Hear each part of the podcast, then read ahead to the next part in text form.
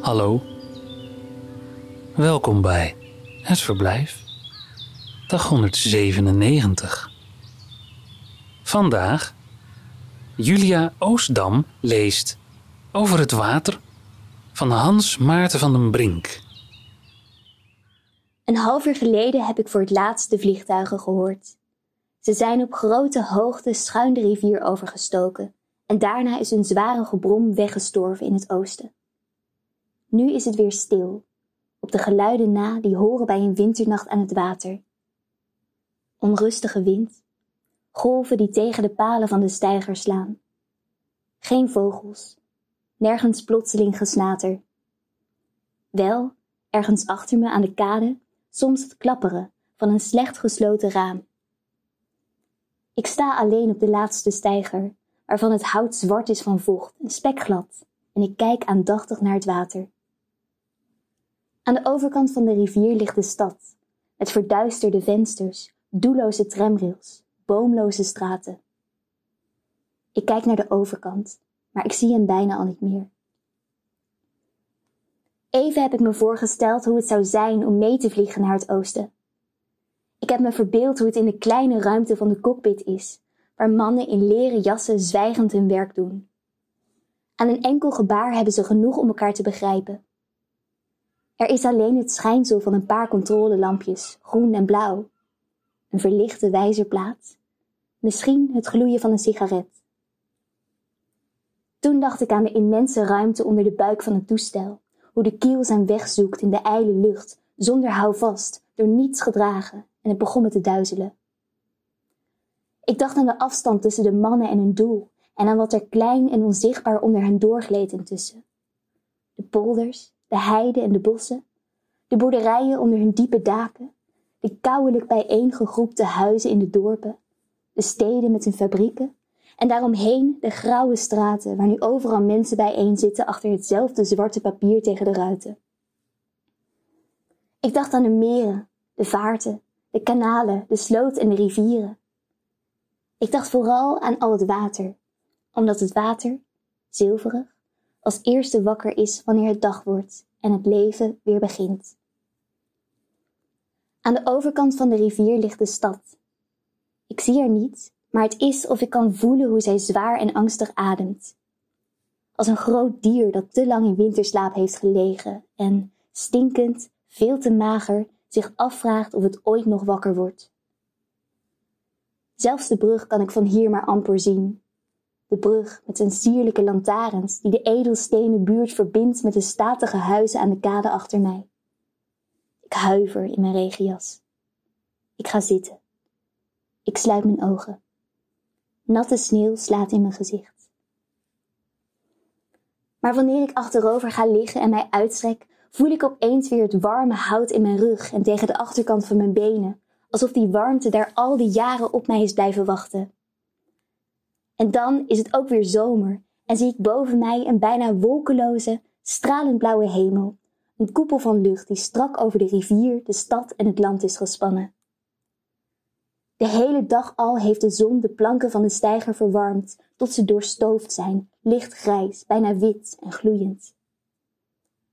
In een oogwenk droogt de zon ook mijn bezweten gezicht, zodat er alleen zout achterblijft, dat korrelig aanvoelt op mijn huid.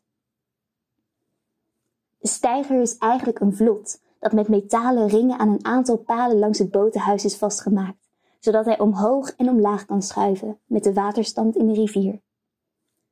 Langzaam deint hij mee met de golven van de middag, bijna niet merkbaar, behalve als je, zoals ik, loom achterover ligt en wegzweeft op je vermoeidheid en niet meer weet waar je lichaam eindigt en waar het begin is van het hout, het water de lucht.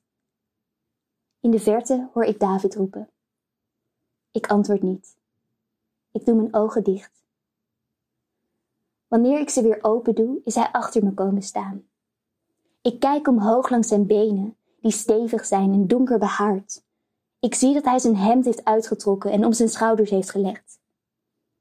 Uitgeteld? Ik kan zijn gezicht niet goed zien, maar ik weet hoe hij hierbij kijkt. Spottend. Vriendelijk en spottend. Zo kijkt hij eigenlijk altijd. Hij heeft het gezicht en het lichaam van iemand die bij zijn geboorte niet alleen een leven, maar meteen ook de hele wereld cadeau heeft gekregen. Daarom treedt hij ons, de anderen, zo rustig tegemoet, met vriendelijkheid en spot. Kapot? Te veel geweest? Ik zeg niets en ga ook niet in op de hand die me wordt toegestoken om overeind te helpen. Ik ben geen invalide, alles behalve.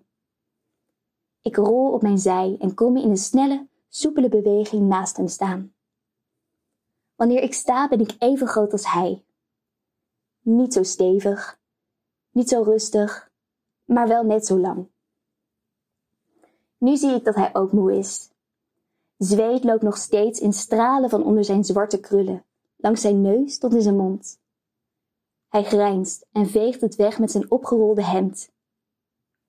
Voor het eerst durf ik te denken dat hij niet alleen mijn partner is, maar meer dan dat. Misschien wel een vriend. We hebben zwaar getraind. Onder de felle zon, onder de strakke hemel hebben we zo hard als we konden over de rivier gevaren. Even verder aan het vlot ligt de lege boot. De koperen dollen schieten vuur. De riemen zijn kruiselings over elkaar geslagen. We tillen de boot uit het water.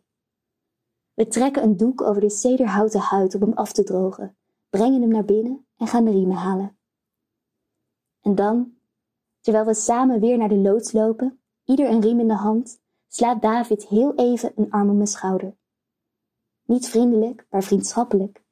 Niet spottend, maar gemeend. Ik ben zo moe. Ik knijp in het harde hout van de riem en voel mijn spieren zich nog één keer spannen. Er golft een diep geluksgevoel door mijn handen, mijn armen, mijn schouders, mijn borst en mijn benen. Ik ben moe en gelukkig.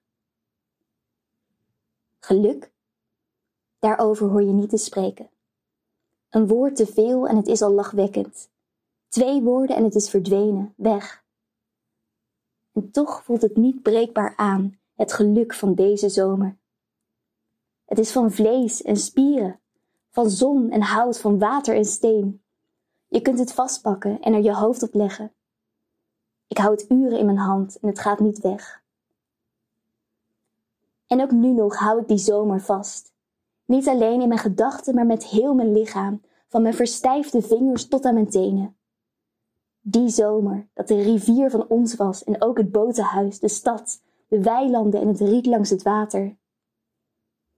Geluk bestaat alleen als je het aan kunt raken. En ik hield het vast, ik hou hem nog steeds vast. Die zomer van 1939, nu, hier, vannacht. Ik hoor het zachte spreken van het water, en diep in mijn botten voel ik nog steeds de warmte van het plankier.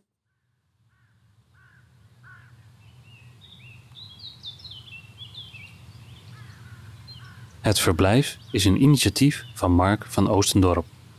Redactie: Johan Oosterman, Iris van Erven, Jaap de Jong en Lot Broos. Ik ben Michiel van der Weerthof en wens je een aangenaam verblijf.